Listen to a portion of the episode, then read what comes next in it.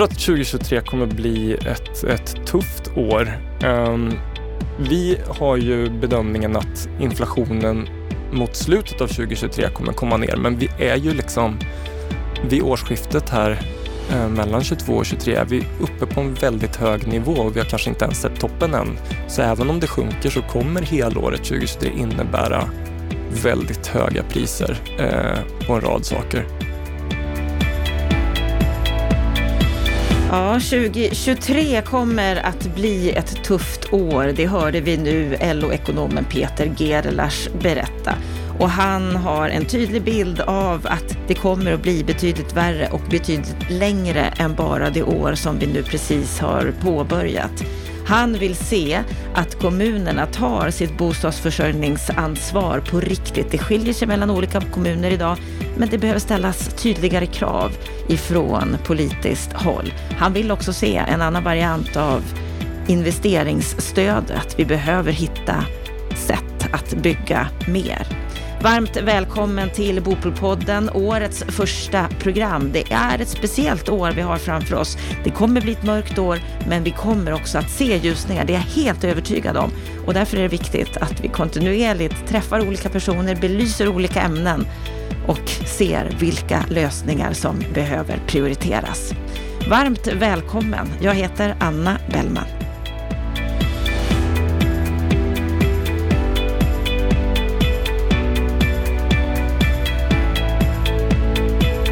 I en analys i oktober undrade han, kommer hushållen klara vintern? Och nu är vi ju en bra bit in i vintern och vi ska ta tempen.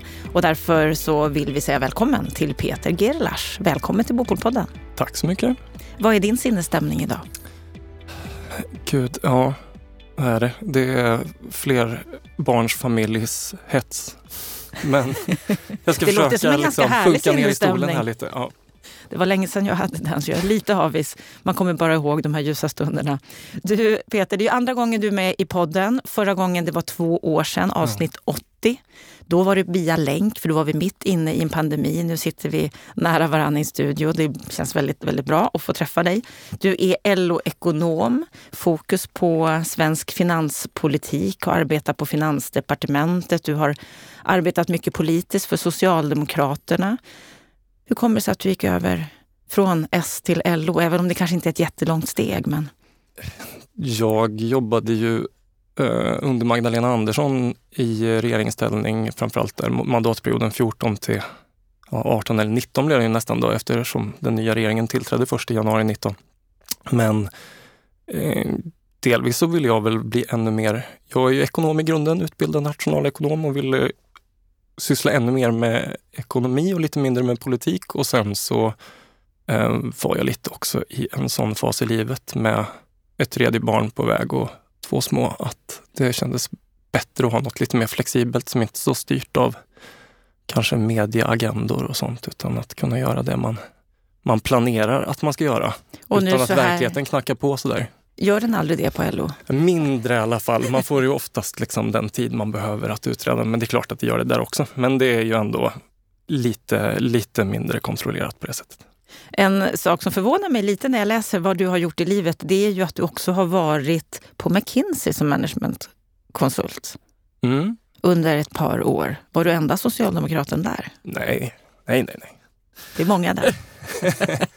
Ja, nej men eh, den gamla, det var också under en period, det hade ingenting med saken att göra ska jag säga, men eh, Jan Larsson som var eh, statsministerns, eh, Göran Perssons statssekreterare och talskrivare under många år. Han, när han lämnade politiken så var han en sväng också på McKinsey. och, och många andra kanske mindre välkända namn också. Så, där. så att, nej, men det var inga konstigheter. Vad har du tagit med dig från McKinsey, från politiken i det du gör idag?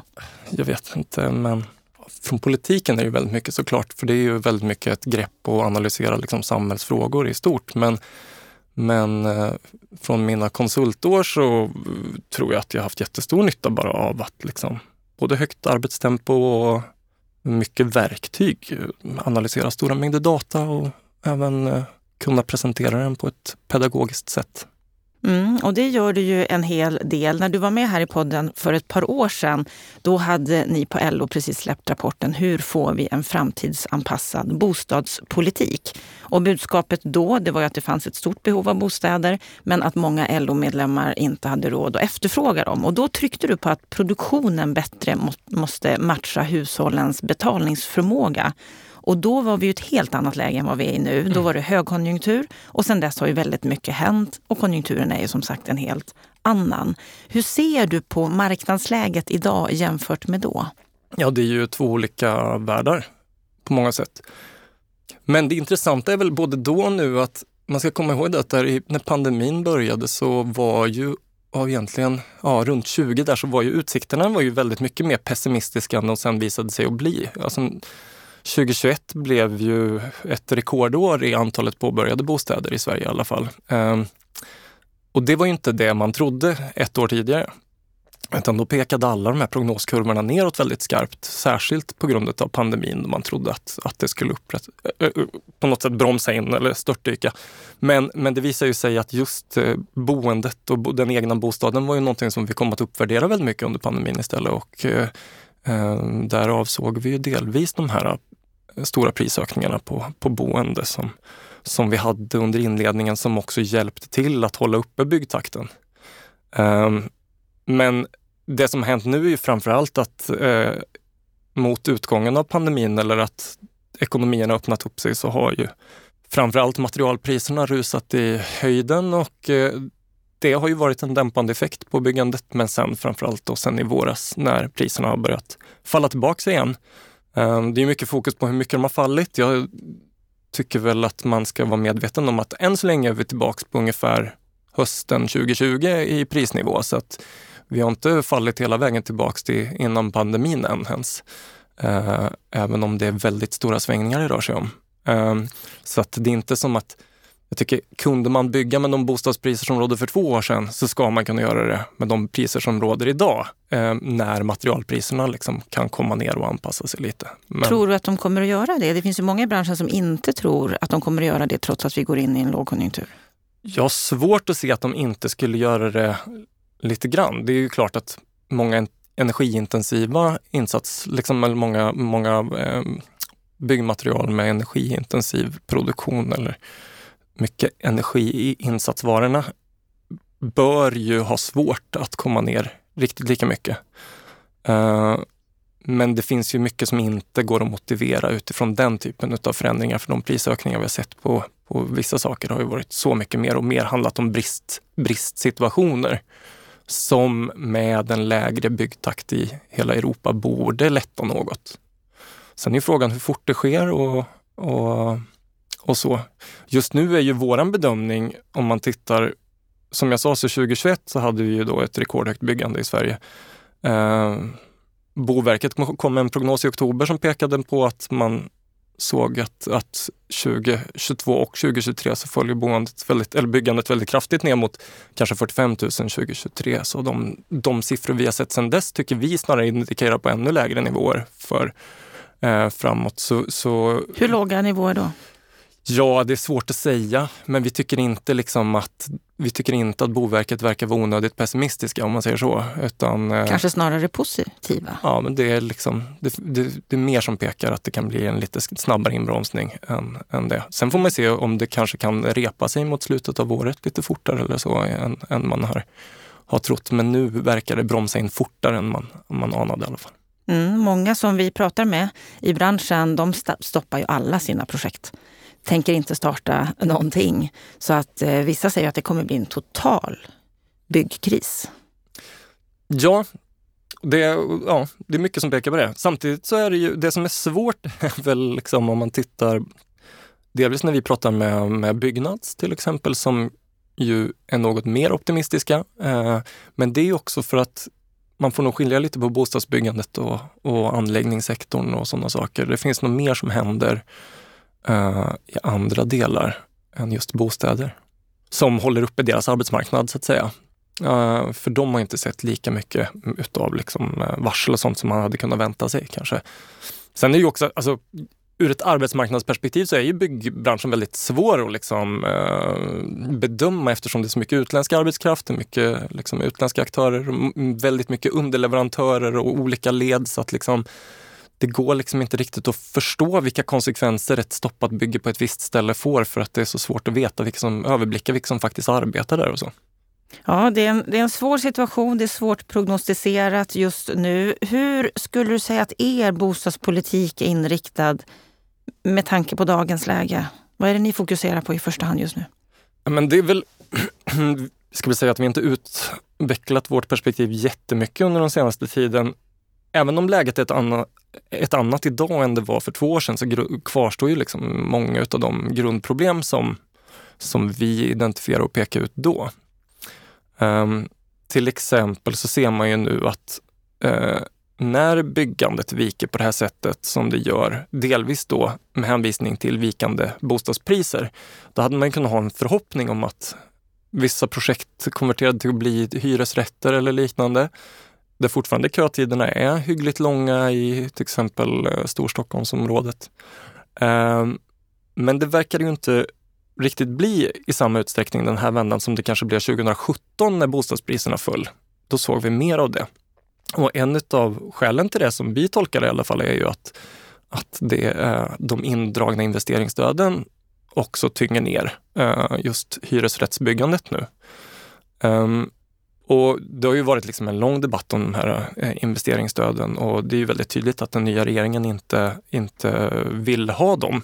Men om man vill ta bort dem så tycker vi att det är ändå ganska tydligt att någonting annat behöver man hitta som man i sånt fall tror kan göra jobbet bättre. För det är ju inte bara vi som säger det, utan det är många som har kartlagt och visat hur den skattemässiga skillnaden mellan eh, bostadsrätter och hyresrätter väldigt starkt eh, är liksom eh, vriden till, till hyresrätternas nackdel. Eh, och att det, det liksom blir dyrare därmed eh, än det hade behövt vara om de hade haft samma ekonomiska villkor. Och ett sätt att komma till rätta med det var ju de här investeringsstöden. Och om man ogillar deras utformning så kanske man ska se över vad, vad skulle kunna vara istället för att, för att ändå utjämna villkoren. Och på, på så sätt kanske då också just nu skulle det vara särskilt viktigt för att få upp byggtakten lite mer. För in, det borde vara lättare att bygga hyresrätter i en vikande eh, marknad än det är att bygga ägarrätter.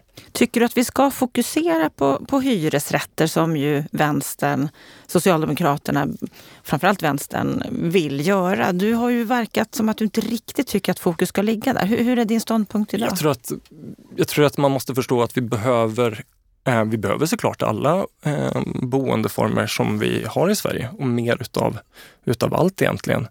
Eh, det är väl så att de senaste årens liksom fokus på hyresrätter från särskilt Socialdemokraternas sida har nog också, det kan ju ses väldigt tydligt ur ljuset av att vi haft en lång period då vi har sålt av en stor del och liksom eh, ombildat väldigt stora bestånd hyresrätter. Eh, på det sättet så har ju till exempel i Storstockholm så var det ju under en väldigt lång period som liksom antalet hyresrätter inte bara sjönk per capita utan även liksom sjönk i faktiska tal.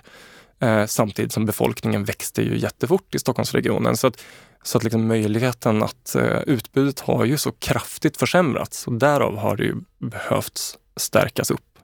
Men eh, men vi har ju pratat om, särskilt i samband med pandemin till exempel, så pratar ju vi om, om behovet av att bygga fler klimatsmarta småhus särskilt för våra grupper. För vi ser ju också att eh, ja, hälften av LOs medlemmar bor i småhus och antagligen ännu fler skulle nog gärna göra det om, om det fanns ett bättre utbud som, som, som passade en ekonomiskt. Mm. Och det här är någonting som ni delar med vår nya bostadsminister Andreas Karlsson. Han har ju också gått ut med det här budskapet att vi måste lägga om bostadspolitiken så att vi kan bygga fler småhus. vad, vad säger du om hans prestationer så här långt? Det har inte gått jättelång stund. Han har inte fått, fått chans att, att, att bevisa sig än. Men det är väl egentligen det är väl ett regeringsbeslut de har tagit och det rör ju just eh, investeringsstöden för hyresrätterna där. Eh, där man eh, valde att avveckla kanske lite snabbare än, än andra trodde. Juryn är väl ute fortfarande. Mm. Men mer småhus verkar han ju vilja, precis som ni. Ja, och det är inte dåligt. Sen, sen är det väl, man kan ju fundera på om det är direkt en motsättning mellan mellan det här. Möjligtvis har det ju varit lite så här att kommunerna när det har byggts väldigt mycket bostäder här nu till exempel eh, 2021 så, eh, så är ju planresurserna på kommunerna kanske mer begränsade. På så sätt kan man ju tänka sig att den här liksom lite lägre byggtakten skulle förhoppningsvis göra att det finns lite mer luft eh, att eh, både kanske anställa fler till plankontoren om kommunerna skulle vara så förutseende, om det finns lite ledig arbetskraft, men också att man eh, kanske kan planera upp lite mer områden som inte har varit prioriterade för att man haft andra större volymprojekt som har gått före. och nu så kanske man kan ta sig an några mindre projekt också med till exempel Och kanske snabba upp processerna också? Förhoppningsvis. Men om vi går tillbaka till det här med, med småhus. Era medlemmar vill bo i småhus men många har inte råd att efterfråga ett ägt boende som du har varit ute och sagt tidigare här. Hur ska de ha råd att efterfråga ägt boende? Ja, det första är ju såklart det som LO i huvudsak arbetar med och det är ju att det behövs en mer eh, jämlik fördelning av ekonomiska resurser i samhället för att inte våra grupper ska bli utprisade ur marknaden hela tiden. Och det handlar ju om fördelning mellan eh, vinster och löner och eh, mellan tjänstemän och arbetare och så vidare. Och rent konkret, hur ska den jämställdheten eller jämlikheten eller jämna fördelningen se ut? Ja, det är ju till exempel en avtalsrörelse som vi står inför. Att lönerna inte halkar efter så här mycket, särskilt när priserna rusar och vinsterna är rekordhöga. Det gör det svårare för våra grupper att efterfråga ett ägt boende. Och även då att skillnaderna i löner mellan arbetare och tjänstemän, alltså mellan eh, TCOs grupper och, och liksom Saco-grupperna också, att de inte blir så stora. De har ju vuxit över, över senare tid på ett sätt som, som återigen också liksom gör det svårare och svårare för, för, för någon som har ett kanske vanligare arbetaryrke i Sverige att efterfråga ett ägt boende. Jag brukar säga det att jag är uppvuxen i Karlstad i ett ja, ganska typiskt villamattaområde Uh, och där hade ju de flesta man kände, deras föräldrar hade ju, var ju liksom, körde någon lastbil åt färdig betong eller var liksom barnskötare på förskolan eller um, hade, hade egentligen råd helt vanliga yrkesgrupper. Ja. ja, precis. Kommunalare och liksom så här, och alla hade möjlighet att efterfråga ett, eh, ett, ett hus. Så på det sättet så, det är ju någonting som absolut är möjligt, men det beror ju på hur man eh, ja, hur allting är riggat också och framförallt då hur stora skillnaderna är mot andra grupper som man då konkurrerar med i budgivningar och liknande. Men gäller det även i, i, i Karlstad? Det är ju lätt att vi pratar om Stockholm som norm, att man inte har ja. råd att efterfråga småhus i storstadstillväxtregionen Stockholm. Ser det likadant ut i Karlstad? Att Idag arbetare inte har möjlighet att efterfråga ett boende? Det ser mycket bättre ut. Det är ju väldigt stor skillnad. Det är ju det som är Eh, det är ju det som vi också konstaterar från LOs sida, att tittar man på utbudet utav själva kåkarna, liksom, utav mycket av det som finns, det är klart det finns jättedyra bostäder att köpa om man vill bygga något nytt. Men även alltså, om man bygger nytt och tittar på flera av de här liksom, småhusproducenterna vi har i Sverige så finns det ju liksom eh, alternativ som ligger runt liksom 2-2,5 miljoner kronor eller, i själva produktionskostnaderna. Eh, och borde kunna göra det. Och särskilt om man tittar liksom på radhus och så, liksom, då ska man kunna, kunna vara där. Och det är egentligen för ett tvåförsörjarhushåll, det är någonstans där ganska rimligt att, att tänka sig att efterfråga det. Men det bygger ju på att markpriserna är, är rimliga också. Eh, och ja, nu vet jag inte vad, hur det ser ut längre i Karlstad eftersom jag inte har bott där på snart 20 år, men, men för inte allt för många år sedan så kanske en tomt ganska centralt kunde kosta 500 000. Men men eh, om man tittar i, i Stockholm så är det ju inte så många. Man får ta sig rätt långt ut för att hitta en tomt för 500 000 i, i, i Stockholm. Men ska alla kunna efterfråga ägt boende i stora tillväxtregionen Stockholm? Nej, det är klart att det är ju inte, det måste ju, man, man ska väl säga så här att det är ju som det är till viss del. Alltså om utbudet av mark är begränsat, som på, låt oss säga på Södermalm, ja då är det klart att den blir väldigt värdefull och det blir helt omöjligt att tänka sig att man ska bygga småhus där.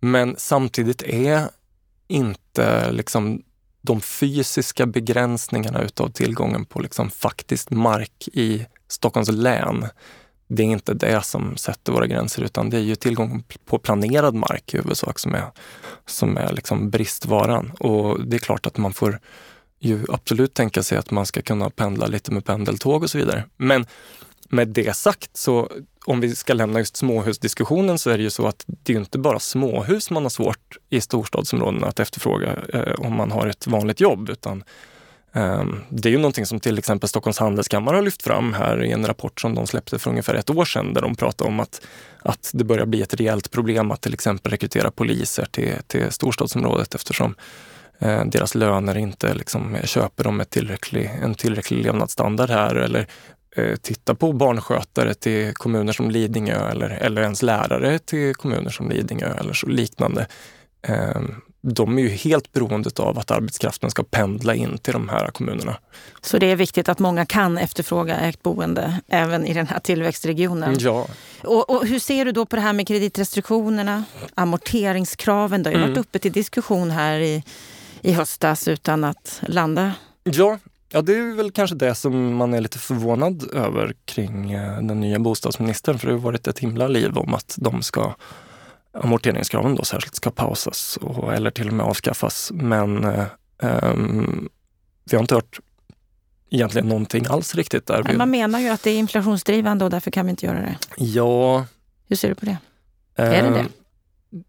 Jag skulle nog säga att man ska inte överskatta de makroekonomiska effekterna av det där. När vi pausade amorteringskravet i, um, i pandemin så, om jag minns rätt, så var det väl någonstans runt 5% av hushållen eller något sånt som, som eh, faktiskt eh, avbrytt, sina, avbrytt sina amorteringsbetalningar. Och det som vi väl ser eh, är konstigt nu, det är ju två saker. Delvis har vi ju sagt att eh, anledningen till att vi har infört det här amorteringskravet, det är ju för att vi inte ska få se en tillräckligt eller en alltför allvarlig inbromsning i hushållens konsumtion i händelse av stigande räntor. Alltså för att hålla ner skuldsättningen i syfte just att, att det ska finnas utrymme att fortsätta konsumera i, i, i ett sånt här läge som vi befinner oss i. Och jag menar om vi lättar på amorteringskraven, ja då får vi ju ett större utrymme i det här läget. Eh, för att upprätthålla konsumtionen. Så du skulle välkomna det? Vi skulle välkomna det och det är vår rekommendation från LO-ekonomerna. Det, det, det, sista man ska säga också, det är ju att det är en reell risk att när folk får problem att betala sina elräkningar och, och, och äh, dyrare matkassar och sånt där, äh, att man hamnar i så svåra ekonomiska problem att man inte klarar att amortera, även fast man inte har kanske äh, blivit arbetslös eller liknande som, som ger rätt att pausa amorteringarna. Eh, och då är ju liksom risken att vi får se folk som börjar sälja bostäder fastän de kanske egentligen inte skulle vilja det på grund av tillfälliga liksom, likviditetsproblem. Och det är ju, eh, då har vi skapat oss mycket större problem genom amorteringskraven än vi, än vi liksom motverkar. Mm. Du skrev här en analys i oktober som hette Kommer hushållen klara vintern? Och där skrev du bland annat att reglerna kring amortering bör bli mer flexibla. Ingen är hjälpt av att enskilda hushåll tvingas blankolåna för att klara sina amorteringar. Mm. Är det så illa? Att folk måste blankolåna? Vi har väl inga signaler om det, men, men det värsta, det där är ju också ur perspektivet att det värsta vi, vi det vi går till mötes just nu och som vi ser nu till exempel då i början av december, deras, e, de elpriser som har rått och sånt där. Eh, det är ju så dramatiskt höga eh, kostnader som kommer att slå in i hushållen, framförallt i början utav eh, 2023. Och vart det tar vägen. Vi får ju signaler också om hur liksom diakoner och liknande handskas med, med liksom familjer med väldigt, väldigt tuff ekonomi just nu.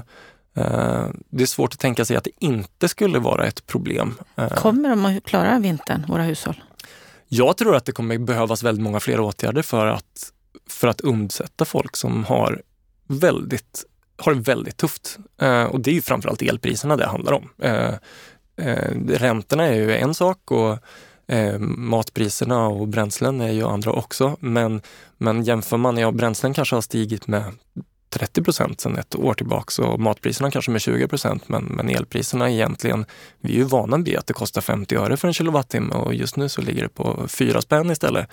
Eh, det är det är 700 procent högre. Det är liksom en sån kraftig chock mot, även om man vrider ner hemma och vad man nu kan göra, att det där eh, det är väldigt svårt att se att det offentliga inte ska ta ett ansvar för att skydda hushållen mot en sån här situation. Och här har vi sett ett elprisstöd. Borde det ha utformats på något annat sätt? Ja, jag tycker ju det. Eh, jag förstår, liksom, man, det är väldigt tydligt hur regeringen har tänkt när man utformat det och det, eh, det är också väl tilltaget. Så att eh, på det sättet ska man ju inte... Det, eh, på det sättet tycker jag att de har liksom tagit i på ett bra sätt. Men problemet är ju att man, man är så angelägen om att ge hushållen maximalt incitament att spara el att man vill att man ska liksom huka under höga elpriser samtidigt som man inte vill att folk ska, ta smällen av de höga elpriserna. Och det där är ju svårt att kombinera. Liksom. Och de har valt den här modellen när man får stöd för historisk förbrukning och historiska priser. Men det man egentligen ska ha stöd för det är ju liksom de framtida priserna. Det är de man behöver skyddas mot. Sen kan man använda historisk förbrukning som som underlag för det, eh, så att man ändå har fullt incitament att, att liksom spara el framöver. Eh, det tycker jag liksom är en brist. Men jag tycker också att så här, förutsägbarhet är faktiskt ett värde som har en väldigt tydlig, liksom, har ett väldigt tydligt egenvärde. Och eh, det är bra att vi ger hushållen någon form av planerbarhet för deras ekonomi. Och det får vi inte om vi hela tiden ska, ska att de ska vara utlämnade till att elpriset ena dagen kan vara liksom 50 öre och andra dagen kan vara 5 kronor. Liksom. Det är inte, det är inte en rim, ett rimligt sätt att rigga marknaden på. Eh, och därtill ska man ju också komma ihåg att hushållens förbrukning, eh, det är ju bara en liten del av liksom, eh, elmarknaden. Nu har vi sett att hushållen har dragit ner sin förbrukning till viss del, men i, i början av hösten såg vi ju också hur företagen ökade sin förbrukning simultant, ofta då med bundna avtal. Så då blev det liksom de här löftena man ställer ut om att om vi bara sparar el så kan vi få ner priserna. Liksom. Eh, samtidigt så, så, finns det ju då liksom den största delen av marknaden och största delen av förbrukningen, den, den möter ju fasta priser i långa avtal som är bundna och, eh, och kör på för fullt för industrins efterfrågan är jättehög, eh, kronan är svag, eh, svenska exporten går som tåget eh, och det blir en väldig obalans. Och en annan del som ju diskuteras mycket och som har varit uppe till mycket debatt är ju räntan och hur den har höjts och hur den kommer att höjas under 2023. Och du skrev en tweet här i slutet på november att jag kan för mitt liv inte förstå hur Riksbanken tänker. Riksbanken säger att 2022 är en måttlig högkonjunktur jämfört med 2018 och nu kommer lågkonjunkturen. Uppenbart att trycket i ekonomin inte är orsaken till inflationen. Ändå driver man upp arbetslöshet med ytterligare räntehöjningar. Mm. Du är inte imponerad av Riksbanken? Nej. Varför inte då? Nej, precis av det skäl jag säger att, att um, man brukar ju, nationalekonomer brukar göra sådana här uh, bedömningar av konjunkturläget som man mäter i något som man kallar BNP-gap. Då. Alltså hur är det ett stort BN, positivt BNP-gap av en stor högkonjunktur och är det ett negativt BNP-gap av en lågkonjunktur? Uh, och varken Riksbanken eller regeringen eller egentligen någon tror att vi befinner oss i en högkonjunktur. Eh, man, kanske, man har en, en viss positiv konjunktur liksom under, under, under 2022. Eh, men den är ju neutral under liksom slutet av 2022 och, och, och 2023 så är vi i en lågkonjunktur. Och ändå så, liksom, eh, så höjer man räntan i syfte att liksom trycka ner liksom lägga en våt filt över den svenska ekonomin, trycket i den svenska ekonomin. Men det är inte det som är problemet. Utan problemet är väldigt mycket att den svaga svenska kronan har lett till höga importpriser och att el och energipriserna eh, har stigit så mycket att eh, de priserna i sig har stigit och att de priserna fortplantar sig i all produktion och alla varor som liksom har el och energi som insats. Eh, och, och som har importvaror för den sakens skull som, som insats också.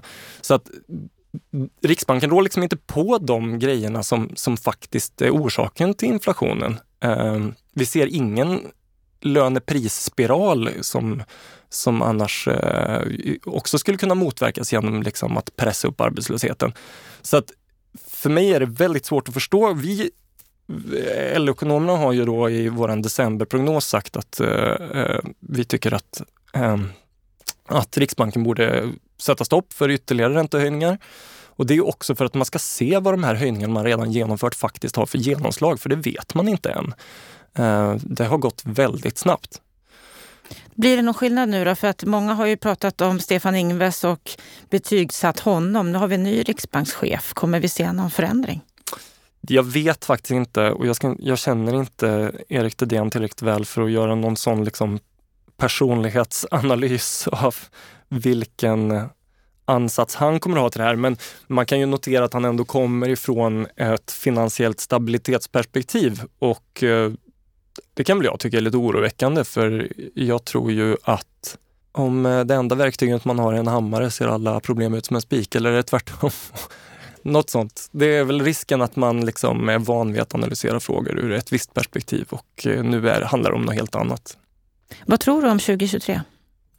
Jag tror att 2023 kommer bli ett, ett tufft år. Um, vi har ju bedömningen att inflationen mot slutet av 2023 kommer komma ner, men vi är ju liksom vid årsskiftet här Eh, mellan 22 och 23 är vi uppe på en väldigt hög nivå och vi har kanske inte ens sett toppen än. Så även om det sjunker så kommer helåret 2023 innebära väldigt höga priser eh, på en rad saker.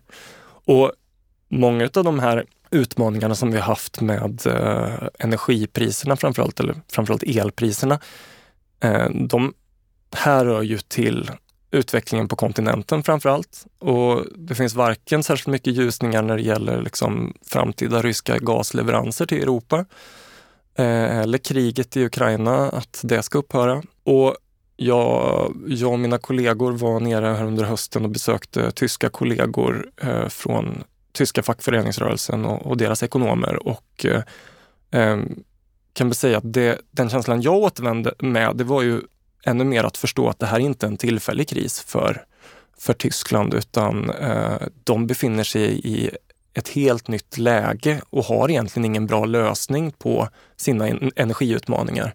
Och det innebär i grunden att eh, höga tyska eller kontinentala elpriser riskerar att, att på mycket längre sikt faktiskt eh, smitta av sig på sydsvenska priser än vad jag tror många förstår. Eh, och att vi står inför det här på, liksom, inte bara här och nu och den här vintern, utan det här är en utmaning som, som vi kommer antagligen behöva hantera under mycket längre tid. Och vad betyder det då mot bakgrund av att vi, vi kommer behöva hantera det här under lång tid? Vi har en bostadssituation i vårt land och mycket här i, i, Stockholm där människor inte har råd att efterfråga ett boende, inte får ett boende. Företag och organisationer kan inte anställa dem de behöver anställa mm. för att det saknas bostäder. Vi har en utsatt grupp, eller flera utsatta grupper som överhuvudtaget inte har ett boende. Vad mm. har vi att vänta framåt? Ja, det är där det krävs åtgärder väldigt tydligt. Uh, vilken typ av åtgärder? Ja, vi ser ju framför oss, så det här, man ska väl säga att eh, det finns ju många olika lösningar på det här, men delvis så, så, som jag nämnde tidigare så tror ju vi att man behöver ersätta investeringsstöden på hyresrättssidan med något annat. Eh, själv tror jag att man ska utnyttja statens goda kreditvärdighet för att driva ner liksom finansieringskostnaderna genom att kanske ha statliga lån till till hyres, hyresrättsbyggande och det kan man göra utan att det, att det kostar skattebetalarna någonting utan eh, det kan vara finansierat och ändå göra en stor skillnad för marknaden.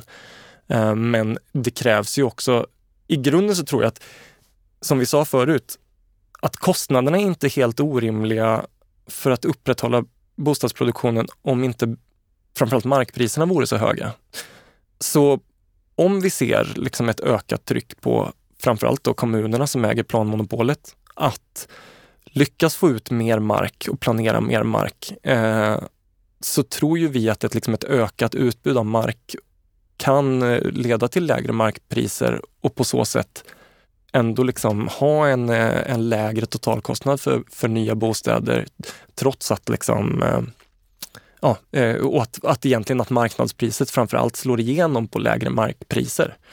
Eh, det är väl vår förhoppning och på, på det sättet så borde liksom storstadsområdena som har den här, liksom de här markkostnadsbuffertarna kan man ju ändå säga för att eh, det går liksom inte, det är svårt att bygga bostäder om, om, om, om den nybyggda bostaden är värd mindre än själva kostnaden att bygga kåken. Liksom. Det, det är en väldigt svår ekvation att lösa. Men, men jag menar, eh, om vi har villor eller vi har lägenheter i Stockholm där liksom 30 eh, 000 per kvadratmeter är, är markkostnad. ja då finns det då finns det något att spela med. Då kan man liksom kanske få till produktion där markkostnaden blir 20 000 per kvadratmeter eller 10 000 per kvadratmeter. Mm, du har ju varit eh. inne på det här förut, om att, om att kommunerna inte riktigt tar sitt ansvar när det gäller den här, den här frågan. Ska vi tvinga dem att gå ner det i pris? Det tycker jag absolut vi ska. Hur då? Eh, nej, det, ju, det, finns ju en lag som, som, eh, heter, som handlar om det kommunala bostadsförsörjningsansvaret. Och det är väldigt, väldigt vagt formulerat och det är väldigt oklart vad det är egentligen, hur långt det sträcker sig. Och det är väldigt stor skillnad mellan kommuner hur man ser på det här och vilka som faktiskt har en ambition att, att ta det här bostadsförsörjningsansvaret. Är det skillnad mellan höger och vänsterstyrda kommuner? Ja, det tycker jag. På ehm, vilket sätt? Nej, men om man tittar på en stad som Sundbyberg eller eh, så där man kanske haft eh, socialdemokratiskt styrt längre så har man en helt annan syn på det än grannkommunen Solna kanske när det gäller vilka, vilket eh, ansvar kommunen försöker ha att erbjuda boende till uh, unga i kommunen som vill kunna flytta hemifrån och sådana saker. Så här skulle vår nya bostadsminister Andreas Karlsson kunna göra något konkret ja, utan att det krävs allt för mycket. Bara vara tydligare i vad som förväntas ja, det är inte, av kommunerna. Precis. Det man ska, till exempel så är det så att det är alltså i princip bara, jag tror bara det är en kommun, jag tror bara det är Uppsala kommun som faktiskt har analyserat eh, utbudet av bostäder som finns i kommunen och jämfört det med någon form av analys av behovet eh, också uttryckt som, ja men liksom försökt sätta kriterier på vad är det för bostäder folk behöver eh, och vad har de råd att efterfråga och finns det? Eh, och konstaterat liksom, vad har vi då för gap här mellan liksom, vad marknaden idag levererar och vad vi egentligen skulle behöva. Eh, men och, även i rådande lågkonjunktur, alltså som vi kommer in i här nu under 2023, skulle det kunna gå att göra en skillnad ja, det tror jag. med det här verktyget? Ja, jag tror det. I alla fall när det gäller att öka utbudet av mark. Det kommer ju leda till lägre markpriser. Det kommer i sånt fall, om man på riktigt ökar utbudet av mark. Det, ju, det kan man ju se liksom i kommuner där man har, ah, det går ju att titta i, i kommuner där där man har liksom planerat upp ett område, hur mycket markpriset stiger när det går från oplanerat till planerat och så ligger det liksom en åker precis bredvid som inte är planerad och där är marken inte värd någonting men liksom just den är planerad har blivit jättemycket värd. Eh, ett ökat utbud utav, utav mark kommer sänka markpriserna, kommer sänka produktionskostnaderna eller i alla fall nypriserna på bostäder har möjlighet att göra det. Och det krävs ju såklart när, när folk är oroligare för högre räntor och så för att man ska vilja låna och, och köpa. Så saker går att göra även om läget är något deprimerande just nu? Absolut. Då får vi hoppas att det också finns de som ser till att saker och ting händer. Stort tack för att du kom till Bopolpodden. Tack så jättemycket.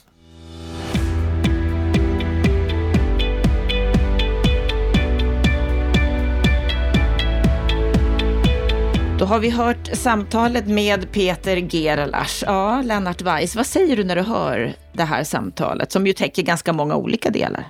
Ja, jag blir faktiskt ganska imponerad. Ehm, det är väldigt sällan vi har en person i studion, framförallt en nationalekonom, som är så väl insatt i branschens detaljfrågor, oavsett om vi pratar om byggandet, byggpriser, ehm, konsumentpriser, olika segment utav marknaden, kreditrestriktioner eller vad det nu är, så är han väldigt väl insatt och det gör mig väldigt glad för att det är viktigt att det finns en person som är väl insatt i de här frågorna på LO som har dessutom ett sånt eh, reflekterande förhållningssätt till de här frågorna. Man slipper liksom de här eh, intresseorganisationsflosklerna som annars är så vanliga i den här debatten. Det enda han slirar på det är det här citatet om hammare och spik så det kan jag väl få bidra med. Kan jag inte få ja, han, han, var lite osäker på hur man skulle uttrycka det. ja, det får vi ta på det skämtsamma kontot. Men man brukar säga så här, om det enda verktyget man har är en hammare tvingas man definiera varje problem som en spik. Men tänk om problemet inte är en spik utan råkar vara en skruv. Så nu vet du det Peter. Men det var på det skämtsamma kontot. Han visste faktiskt i praktiken vad det gick ut på. Han har faktiskt koll både på skruvar och spikar, det är väl slutsatsen och ger oss en ganska så vad ska man säga, mörk bild över tiderna som vi har att vänta. Att det är inte bara vintern 2023 som kommer att bli tuff, utan vi kommer att se en betydligt längre period med tanke på allt som sker i världen, höga priser etc. etc. Vad säger du om den eh, förutsägelsen? Alltså det här är Bulls eye. Han, han prickar exakt den problematik som politik, eh, myndigheter, ekonomer och tyckare måste fokusera i det här läget. För om vi, om vi summerar den helhetsbild vi har nu. Regeringen går ut denna morgon som vi spelar in det här programmet och säger att den ekonomiska vargavintern kommer att vara mycket, mycket längre än vad vi har trott ända fram till 2025. Och så sätter vi in det i perspektiv av den typen av åtgärder som politik och myndigheter sätter in nu. Myndigheterna, då pratar vi alltså om Finansinspektionen och Riksbanken, de är envisa, närmast dogmatiskt övertygade om att lagda kreditrestriktioner, kreditmarknadsrestriktioner ska ligga kvar för motsatsen skulle vara inflationsdrivande. Riksbanken eh, signalerar att man ska fortsätta aggressivt höja räntorna. Ja, gör man de här två sakerna, då riskerar man ju att effektivt knäcka eh, konjunkturen på allvar och för väldigt lång tid framåt ställa till med en oerhörd skada på bostadsmarknaden. Jag upprepar igen, bostadsbyggandet är hälften utav byggmarknads, byggmarknadens samlade omsättning. Byggmarknaden svarar för 11 procent utav BNP, bostadsbyggandet ungefär hälften. Man ställer till med en enorm skada för branschen som sådan, men framförallt för arbetsmarknaden som inte kommer att försörjas med de bostäder som behövs. Och då gör han ett påpekande här som jag tycker är väldigt viktigt på tal om, om kreditrestriktionerna. Han påpekar ju att ett motiv till att införa dem har ju varit att dämpa hushållens efterfrågan i ett uppåtgående läge för att kunna lätta på bromsen när man, kommer, eh, när man närmar sig en lågkonjunktur för att på det sättet stimulera hushållens efterfrågan. Men nu när man står inför ett sådant scenario så gör man inte det utan man håller dogmatiskt fast vid de åtgärder man har vidtagit. Peter förstår, Peter Gellars förstår att det här är eh, en helt felaktig politik och att det kan leda till att lågkonjunkturen förstärks och att skadorna på samhällsekonomin blir större än vad de borde vara än, än de kunde ha blivit. Så att det är bara att hoppas att han ger sig in i debatten och använder den tyngd som LO ändå eh, ger den, den plattform man har. Mm. Det är många saker som vi som sagt pratar om och en sak som han också föreslår i det här, det är ju att eh, ja, dels detta med kreditrestriktionerna, men också att tvinga kommunerna att ta sitt bostadsförsörjningsansvar. Va, vad säger du om hans hållning här? Ja, den är ju helt korrekt därför att eh, idag har vi ett gap mellan produktionskostnader och eh, konsumentpriser, konsumentefterfrågan som, som helt enkelt omöjliggör en fungerande kalkyl. Den enda faktor som är tillräckligt stor och, och, och kan ge tillräcklig, alltså förändra kalkylerna, det är att man förändrar markpriset. Och det där har vi kommenterat i ett tidigare tillfälle och sagt ungefär så här att om, om vi har ett botprisfall på 20 ja då måste man halvera markpriset om byggaren ska kunna få ihop sin kalkyl. Jag har pratat med kommuner på sistone och märker att det finns överhuvudtaget ingen beredskap eller beredvillighet att vidta den typen av åtgärder. Så vill kommunerna hålla igång bostadsbyggandet, då måste de ompröva sin hållning till de här frågorna. Man, man kan inte se markplanering och markpolitik som, som i första hand en affärsverksamhet. Man måste se det som, som infrastrukturplanering och då, då måste man vidta åtgärder som främjar byggandet. Så där har han verkligen helt rätt. Mm. Så mycket saker som behöver göras och många tuffa grejer framåt. Han hade också som förslag att eh, investeringsstödet behöver ses över eller i alla fall ersättas med någonting annat. Vad säger du om det? Han är inne på något kolossalt viktigt här och där skulle jag vilja säga att mina branschkollegor inte är riktigt i kapp än heller. Därför att vi Alltså investeringsstödet isolerat kan man diskutera en hit och en dit, men sett i sitt större sammanhang, nämligen finansieringsmarknaden, så måste vi förstå att den här perioden som vi har haft sedan omkring 2010 med eh, ett enormt flöde utav billigt kapital ifrån framförallt obligationsmarknaden, den tiden är sannolikt över. Alltså det kommer inte att gå att låna upp hur mycket kapital som helst till närmast noll ränta, utan priset på kapital kommer sannolikt för i varje fall en ganska lång övergångsperiod vara en knapp resurs och den kommer vara väsentligt dyrare. Om vi, om vi tar in den insikten och förstår att bostadsbyggandet i grunden är en kapitalintensiv verksamhet, det är liksom kapitalet som är den viktigaste råvaran. Då måste vi på något vis säkerställa kapital från någon annan källa, annars blir det inga bostäder. Det är så det funkar. Och då måste vi sannolikt tänka nytt. Eh, Peter lanserar tanken om statliga lån. Det kan vara en, en tanke. Eh, men vi måste förstå att den, de grundläggande finansiella förutsättningarna nu kommer att förändras och det kräver ett nytänk och det kan bli lite smärtsamt för en borgerlig regering som någonstans har som grundtanke att eh, marknaden eh, den fria marknadsekonomin löser den här typen av problem per automatik. Det är jag verkligen inte säker på. Så skulle vi ha Eh, hamnar hamna i ett läge nu där vi trycker ner ekonomin väldigt kraftigt och bostadsbyggandet kollapsar, då kommer det sannolikt att krävas någon typ av aktiva politiska åtgärder. Men jag tycker inte att man ska designa dem på det sättet som man har gjort under förra mandatperioden. Ett investeringsstöd eller finansiellt stöd måste designas på ett annat sätt så att det får en eh, så att det helt enkelt får effekt där problemen och utmaningarna är som störst. Ja, det är mycket som eh, kan vridas och vändas på i de här tuffa tiderna som vi befinner oss i. Kändes ju bra tycker jag att vi börjar det här bostadspolitiska året med den här översynen av marknaden, hur det ser ut, vad vi har att vänta framåt. Det här var det första Bopolpodden 2023 på fredag. Då är vi tillbaka igen med veckans Aktuellt, det senaste som har hänt under veckan när det gäller bostads och fastighetspolitiken. Så med detta så önskar vi dig varmt välkommen tillbaka till ett nytt år så hörs vi på fredag igen.